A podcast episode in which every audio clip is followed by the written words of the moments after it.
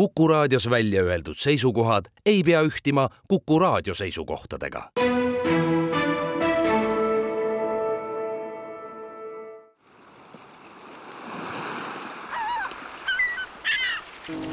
meretund. meretundi toetab Tallinna Sadam. tere, meresõbrad, on laupäev ja Meretunni aeg. mina olen saatejuht Vallo Kelmsaar. Lõppev nädal on toonud suvise kuumuse ja peagi algab suvi ka kalendri järgi. suvepuhkust võib veeta merel ja mere ääres ning laevad ja lained ei jää seejuures märkamata. laevadest ja lainetest täna juttu teemegi suveperioodil on saartele suundujaid palju ning tavapäraselt on siis Virtsu ja Kuivastu liinil käigus ka lisalaev. nii ka tänavu. TS Laevade parvlaev Regula tegi esimese reisi esimesel juunil ja peaks käigus olema kuni augusti lõpuni. kaheksandal juunil ilmnes aga Regulal Virtsu sadamast väljumisel tehniline rike ning laev oli sunnitud sadamasse tagasi pöörduma. paraku sai laev sildumisel veidi viga ja pidi mitmeks päevaks kai äärde jääma. TS Laevade juhatuse liige Kuldar Kivro, räägitud on süsteemi veast, mis probleem Regulal ilmnes? Regulal siis äh, kaheksandal juunil äh, oli juhtum, kus äh, sadamast väljudes kadus ära Kameva juhtimissüsteemis nii-öelda sillas kontroll, mis tähendas seda, et masinaruumis oli kontroll alles kuid, kuid sillas ehk siis masina silla vahel kuskil toimus mingisugune intsident ja, ja juhtimine kadus ära sillast. misjärel siis äh, koheselt võeti üle juhtimine masinasse ja sellise, ütleme siis pikaldase side tulemusena võib-olla juhtus see, et, et kuna laev oli samal hetkel, kui see juhtimine kadus, oli tagasikäigul, sillast anti avarii side kaudu teada siis käik edasi, et, et mitte, mitte siis madalasse sattuda. Ja, ja, ja see käik edasi siis jäigi sinna hetkel peale, sest eh, tekkis väike nii-öelda kommunikatsiooni error seal vahel. Ja, ja eh, ühe koma nelja sõlmese kiirusega siis Regula rammis ees olnud kai venderdust, et kahjustada sai siis laev ja, ja kaks vendrit. Selline olukord ilmselt on üpriski ebatavaline ja kui mõelda selle peale, et masinaruumist saab küll laeva juhtida, aga masinaruumis ei ole sellist vaatevälja, nagu on sillas.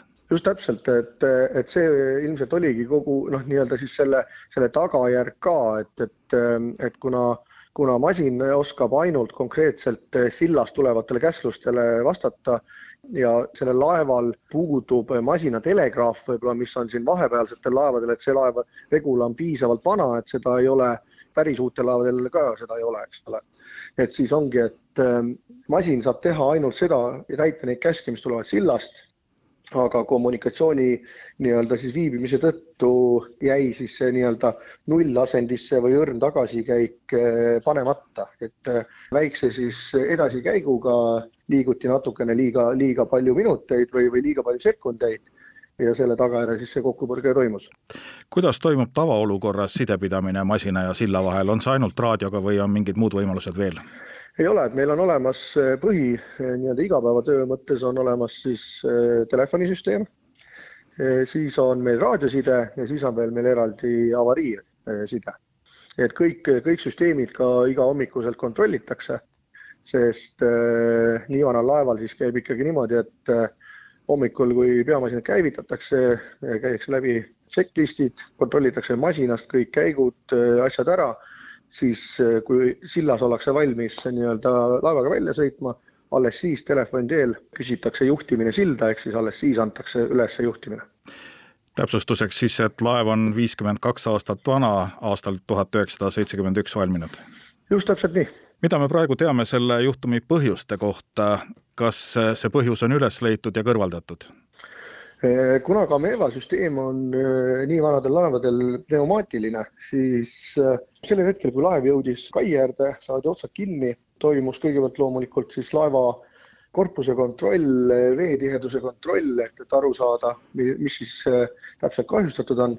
aga peale seda siis alustati ka juhtimissüsteemide kontrolli ja nagu siis äh, Murphy seadus, äh, kõik süsteem töötab ja, ja ühtegi viga kusagilt otseselt leitud ei ole, et, et tänaseks siis on igapäevaselt, igapäevaselt on tehtud vähemalt kaks kuni kolm kontroll lülitust siis kai ääres ehk siis kogu Gameva süsteemi töölepanek, süsteemi juhtimine masinast, sillast, edasi-tagasi käigud, kõik toimib.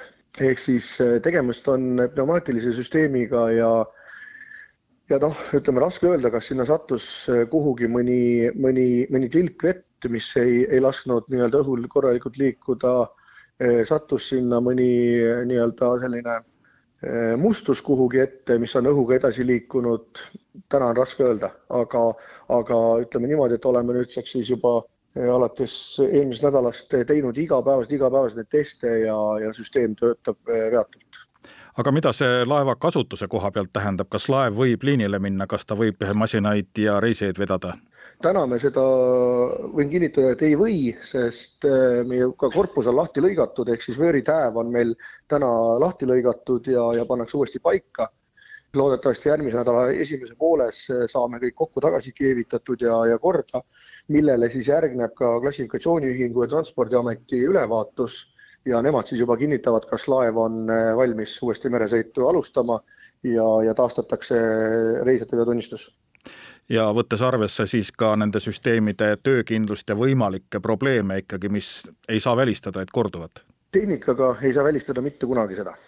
aga räägime natukene ka laeva vigastustest. laeva vööris, vöörtäävi juures sai, sai vigastada veepealne osa, et, et veealuses osas õnneks jäi kõik puutumata ja, ja sealt siis eh, kummastki pardast selline kaheksakümmend korda kaheksakümmend sentimeetrit plaadistust läheb vahetusse. Eh, samuti siis Eh, sirgestatakse vöörtäävi osa ja, ja, ja väike, väike jupp siis ka eh, vööri ballasttangi piki vaheseinast. Need on siis sellised, eh, ütleme tegelikult suhteliselt väiksed kahjustused, metallitööd. Ja, ja misjärel siis peale keevitustööde lõppu saame kontrollida visiiri veekindlust, sest õnneks oli see, et sellel hetkel oli sadamast väljumine, visiir oli üles tõstetud.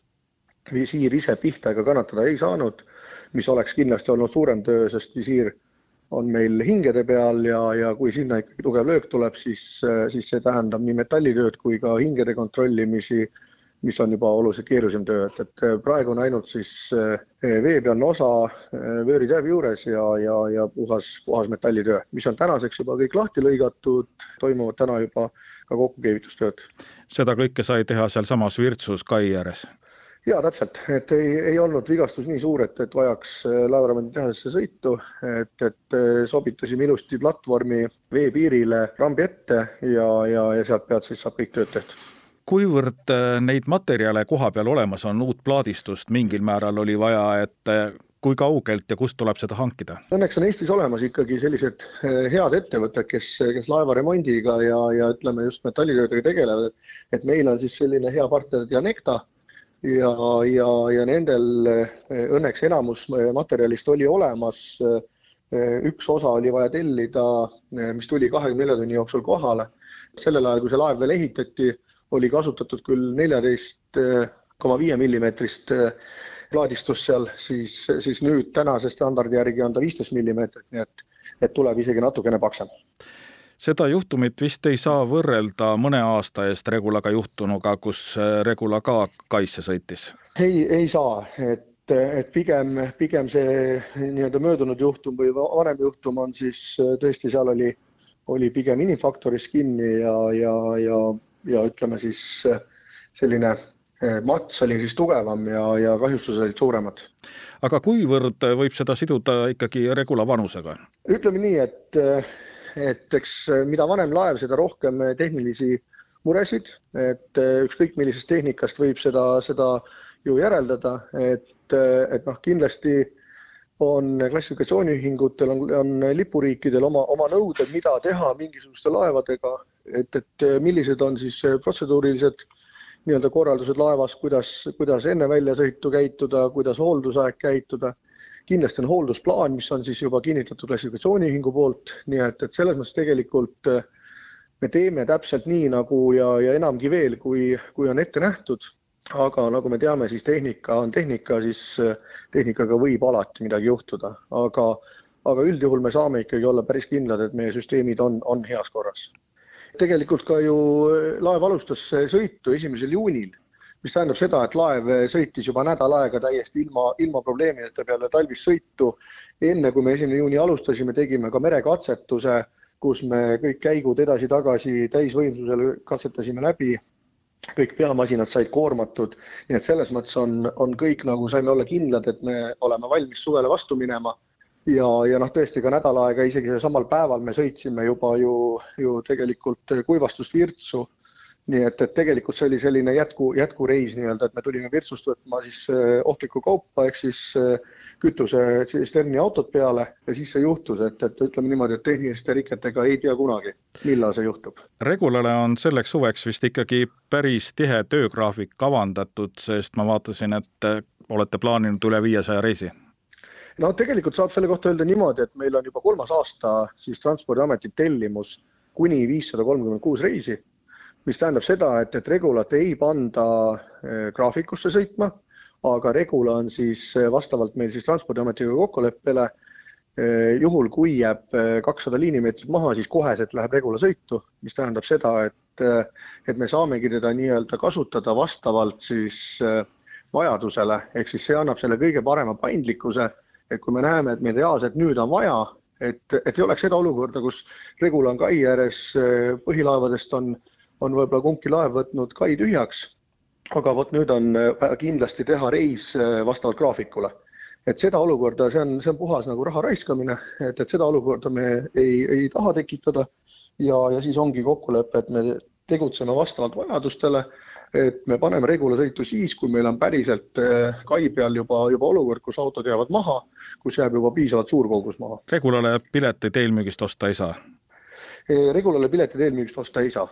järgmisel nädalal on tulemas ka üks hooaja tipp ehk siis jaanipäeva aegne periood on kindlasti ka Virtsu Kuivastu liinil täiesti tipphooaeg, et selleks ajaks on Regula taas käigus. tõsiselt südamest loodame ja teeme kõik selleks, et oleme ka oma partneriga siis keevitusettevõttega rääkinud, metalliettevõttega ja, ja, ja praeguse seisu järgi tahame loota, et teisipäeval lõpevad äh, keevitustööd ja, ja kolmapäeva hommikul on meil äh, nii klassifikatsiooniühing kui ka siis Transpordiamet äh, laeva peal, kes siis kontrollivad laeva vastavuse tehnilistele tingimustele ja me saame uuesti alustada juba kolmapäeva lõunas, kui vajadus tekib.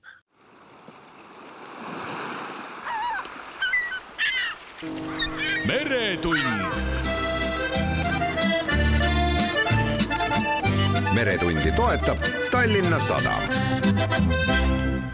jätkame Meretundi.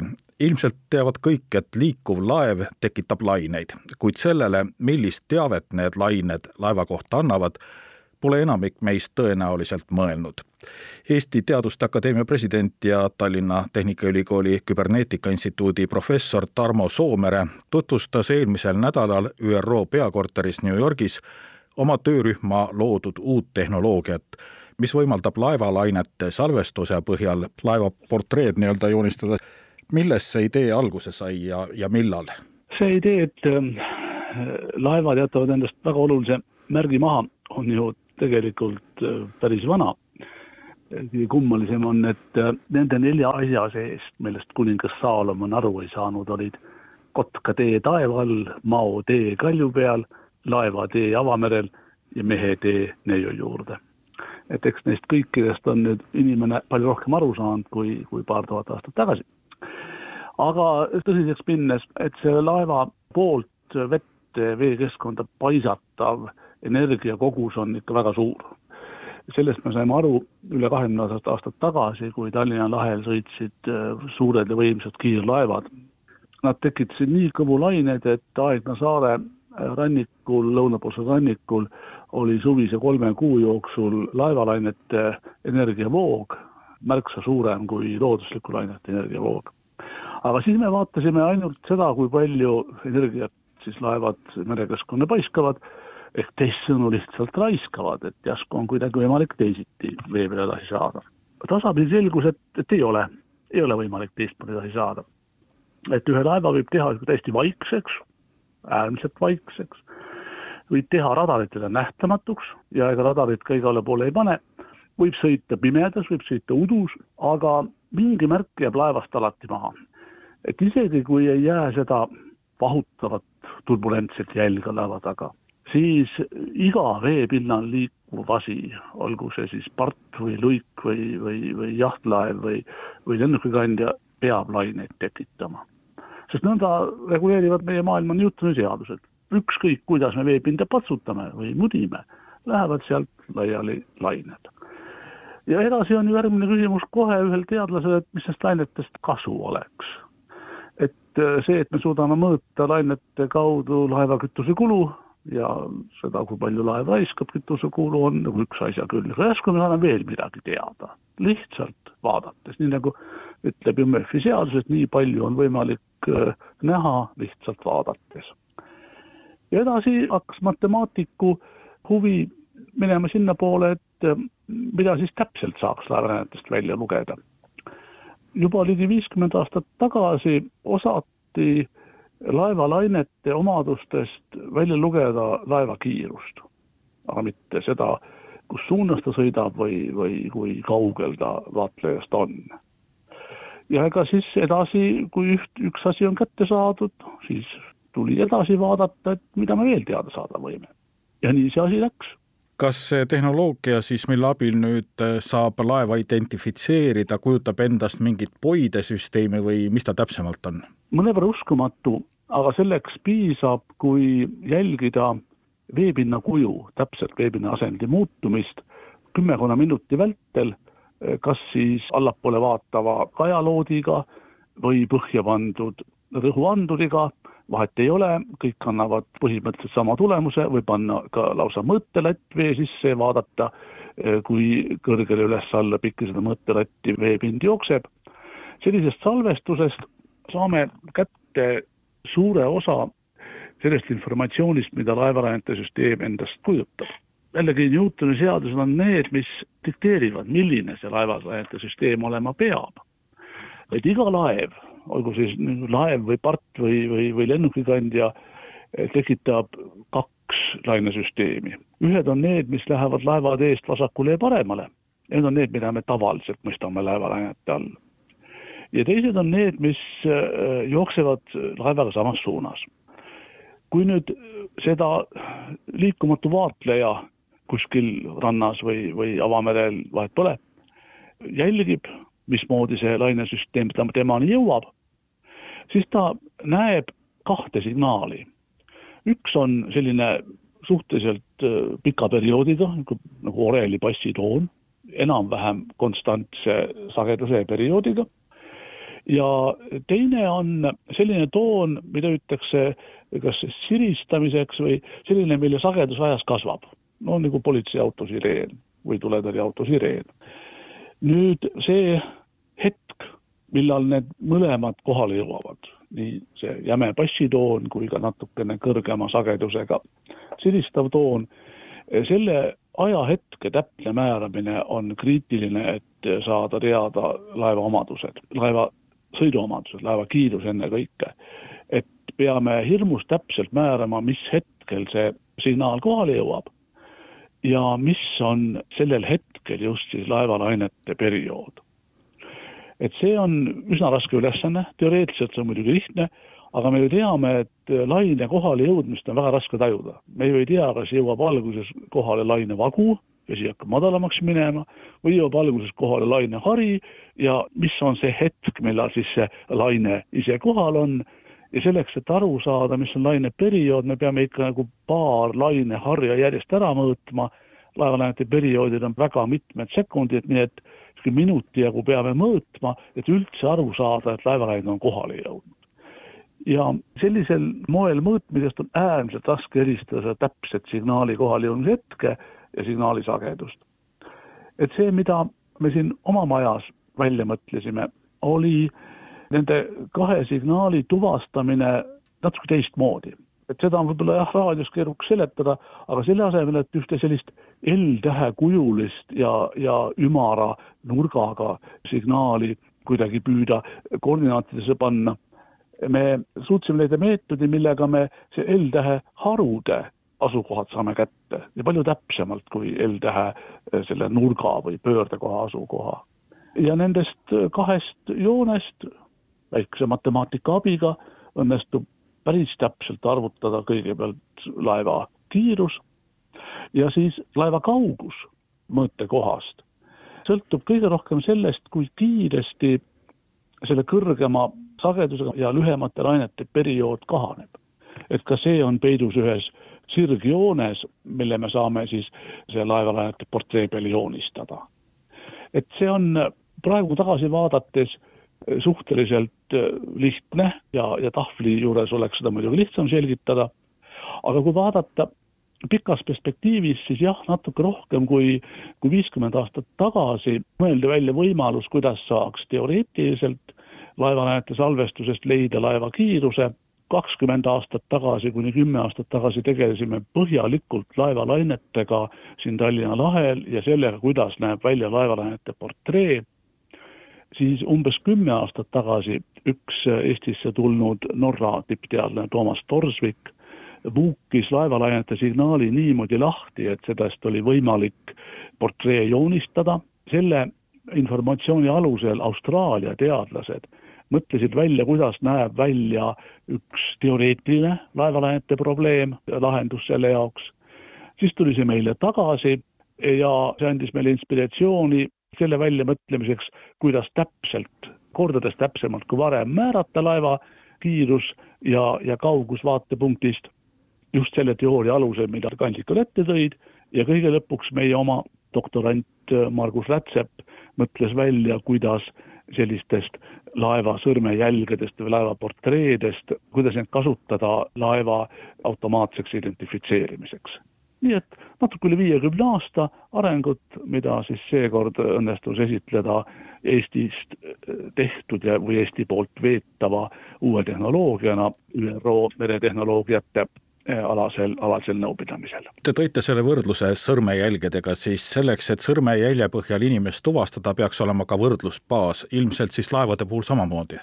see oli meie suur eelis selle töö tegemisel, et meil olid andmebaasis päris mitmekümne erineva laeva, laevatüübi sõrmejäljed, nii-öelda portreed, mida me olime salvestanud hoopis muude eesmärkide tõttu, aga mida me siis võtsime arhiivist välja ja ja vaatasime üle just selle tehnikaga, mis võimaldas veepinna kõikumise salvestusest joonistada laeva liikumise portree.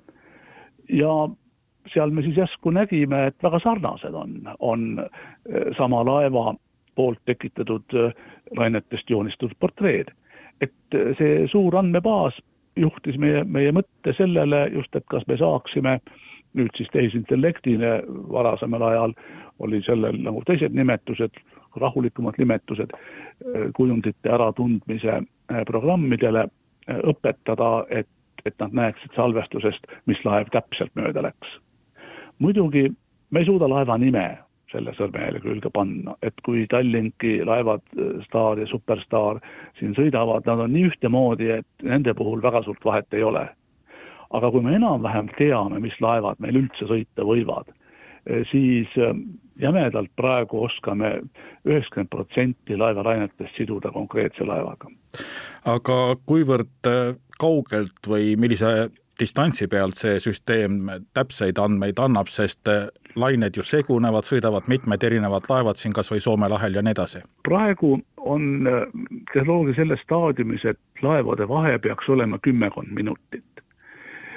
see on ka fundamentaalne piirang selleks, et aru saada, milline on see bassitoon, milline on see, see madalamate või pikemate lainete sagedus ja samuti, kui kiiresti kasvab siis nende lühemate lainete sagedus või, või kahaneb periood ajas, on vaja jämedalt seitse-kaheksa minutit salvestust. et vähema ajaga me ei suuda neid oma vajalike joonte jaoks tugipunkte piisavalt leida ja kui sama aja jooksul tuleb sisse veel teinegi laev, eh, siis ei suuda meie praegune tehnoloogia neid kahte laeva eristada. nii et sama küsimus esitas meile äh, esitas meile ÜRO-s Bangladeshi esindaja, kes ütles, et neil on korraga viiskümmend laeva deltas liikumas, et, et mis selles situatsioonis teha ja see on fundamentaalne piirang, millest me ei, ei saa üle ega ümber, et laevad peavad sõitma suhteliselt suure ajalise vahega ja kui mitte ajalise vahega, siis niivõrd erinevates kohtades, et, et see signaal jõuaks mõõtekohta eri aegadel. Laine liigub ju suhteliselt aeglaselt merel, et selline tüüpiline laevalaine üle Tallinna lahe laevateelt Aegna randa läheb jämedalt veerand tundi ja laevateelt eh, Naissaare randa sõltuvalt eh, siis suunast ja laeva asendist isegi kuni tund aega. meie praegune praktika põhineb salvestustel, mis on tehtud kolm kuni viis kilomeetrit laevateest ja seal on laevad väga selgelt äratuntavad ilma mingite eriliste trikkideta. ja praegune kogemus ütleb, et ka veel ligi kümne kilomeetri kaugusel laevateest Eh, Naissaare rannas tehnoloogia veel töötab, aga siis suhteliselt vaikse ilmaga.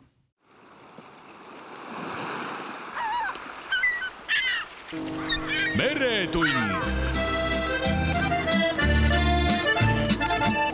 meretundi toetab Tallinna Sadam jätkame Meretundi. kuulsime eelnevalt akadeemik Tarmo Soomerelt uuest tehnoloogiast, mis võimaldab laevalainete põhjal laeva kohta infot saada ja rääkisime, millistes oludes see tehnoloogia parima tulemuse annab.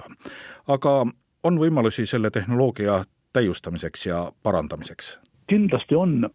see, mis äh, merelained endast kujutavad, ka, ka seal on ju teatavad perioodide sagedused. me tõenäoliselt ei suuda seda situatsiooni lahti muukida tormisel merel. sellisel tormisel merel, kus torminainete perioodid on enam-vähem samad, mis laevalainete perioodid, et siis on äärmiselt raske seda nii-öelda kasulikku signaali eristada küll aga saab seda teha isegi suhteliselt tugeva lainetuse puhul siis, kui lainetus on niinimetatud ummiklaine, see on hästi regulaarne ja kindla perioodiga laineväli, siis me sellise suudame pildist nii-öelda välja filtreerida.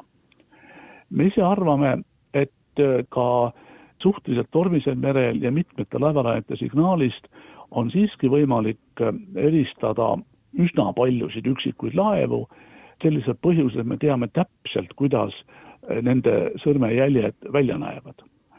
me ei tea täpselt, millal nad algavad, me ei tea täpselt, millal nad lõpevad aga me teame nende kuju ja kui me mingi asja kuju teame, siis on võimalik seda kuju eristada ka, ka väga mürases signaalis.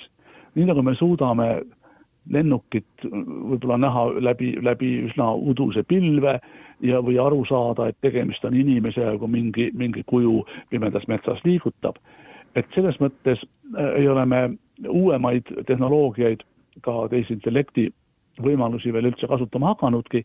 Eesti tingimustes ei ole see tõenäoliselt ka väga vajalik, et meil on väga harvad juhud, kui me peaksime helistama üksteisest laevu, mis sõidavad väga väikse ajalise vahega. aga mitmetes kohtades maailmas võib see vajadus olla.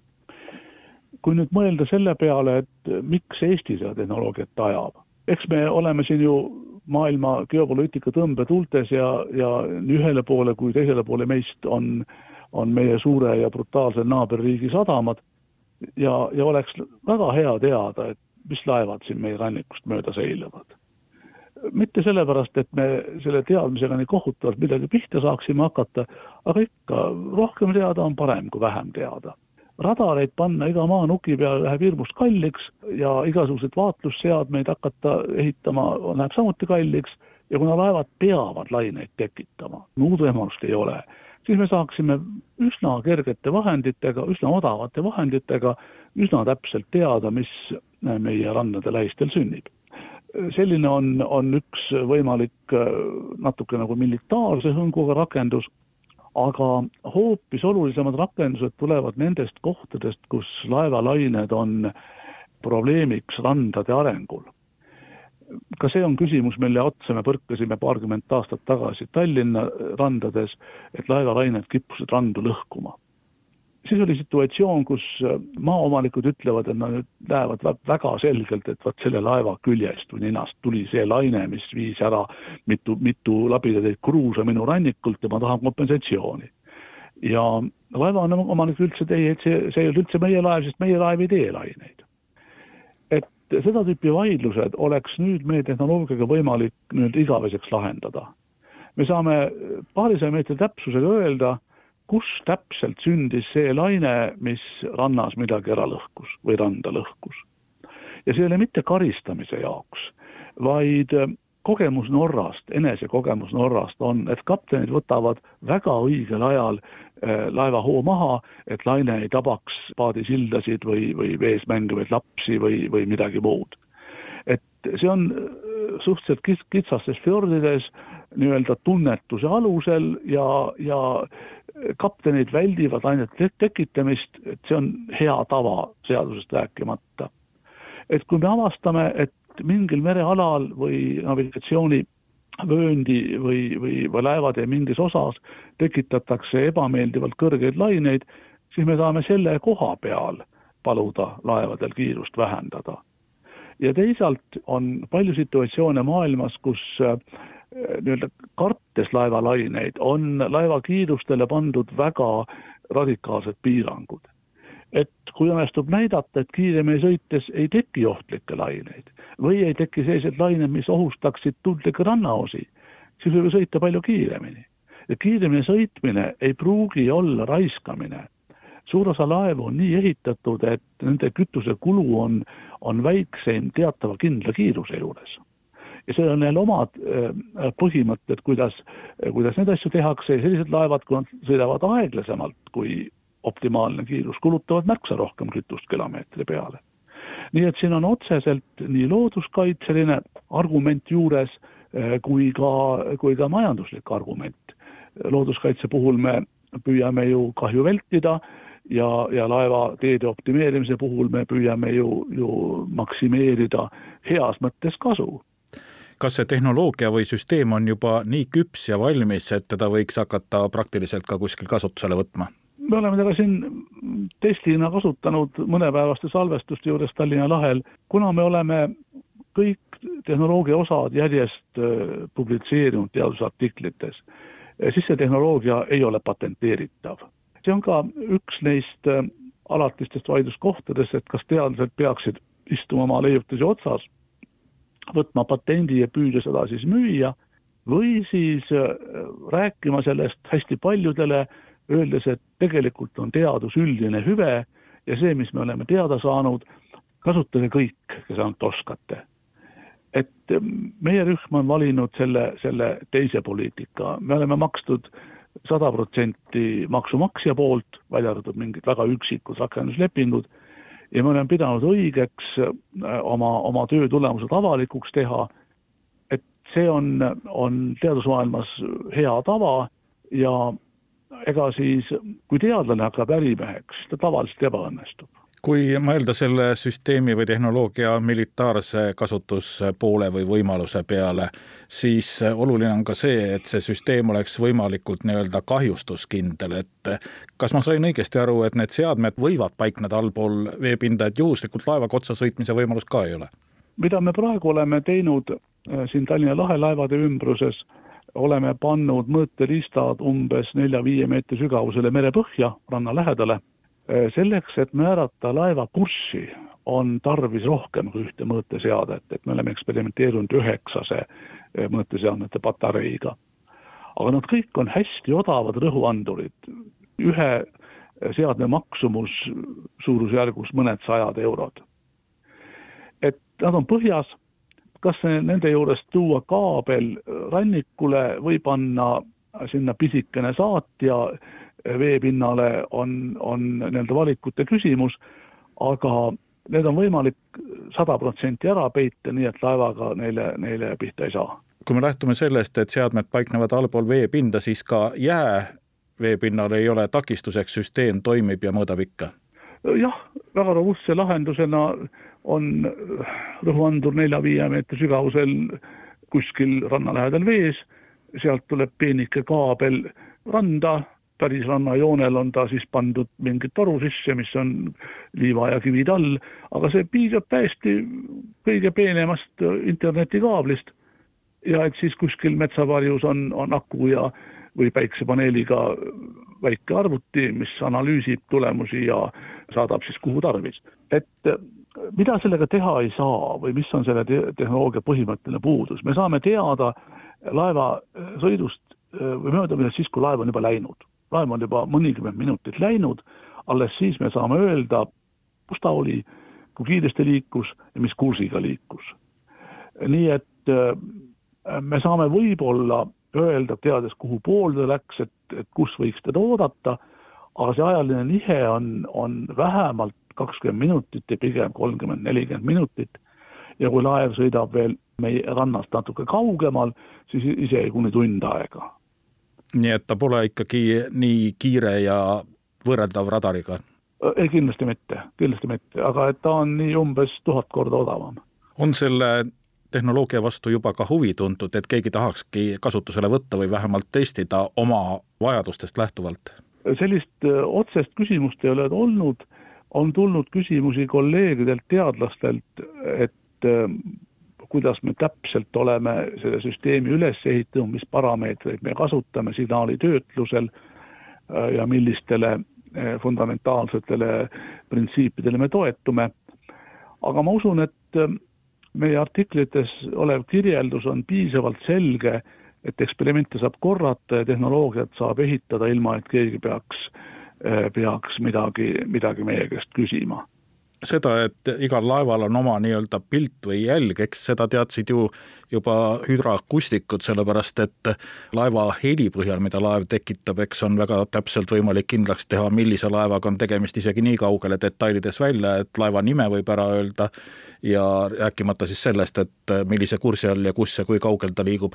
et see laine mõõtmine või analüüsimine on ju midagi sarnast? jah, et veekeskkonnas levib heli Äh, kiiremini kui õhukeskkonnas äh, ja äh, seda ei saa kuidagimoodi vältida, samuti ei saa vältida lainete levimist mööda veepinda. üks asi, mille peale me mõtleme tulevikus, on püüda, püüda siselainete alusel hakata identifitseerima allveelaevu meie regioonis. aga need seadmed on, on märksa kallimad ja ka vastav tehnoloogia ei ole veel üles ehitatud. et äh, sellega võib mõni aasta veel aega minna. kas töö jätkub ikkagi edasi? mingis mõttes äh, me tahaksime väga edasi teha, aga mingis mõttes me oleme praegu äh, punnseisus, me tahaksime väga teha ära see analoogilise töö siselainete jaoks, just allveelaevade kontekstis. aga Eestis ei ole maailma tasemel siselainete spetsialiste. ja need siselainete spetsialistid, keda meie tunneme õnnetuseks elavad ja töötavad Venemaal. mitte Venemaa heaks, aga, aga nad on oma hariduse saanud Venemaal ja on Venemaa kodanikud. et seetõttu vastavad uuringud me panime möödunud aasta veebruaris koheselt pausile äh, ja me ei saa nendega edasi minna. Eestis vastava spetsialisti väljakoolitamine võtaks mõned aastad.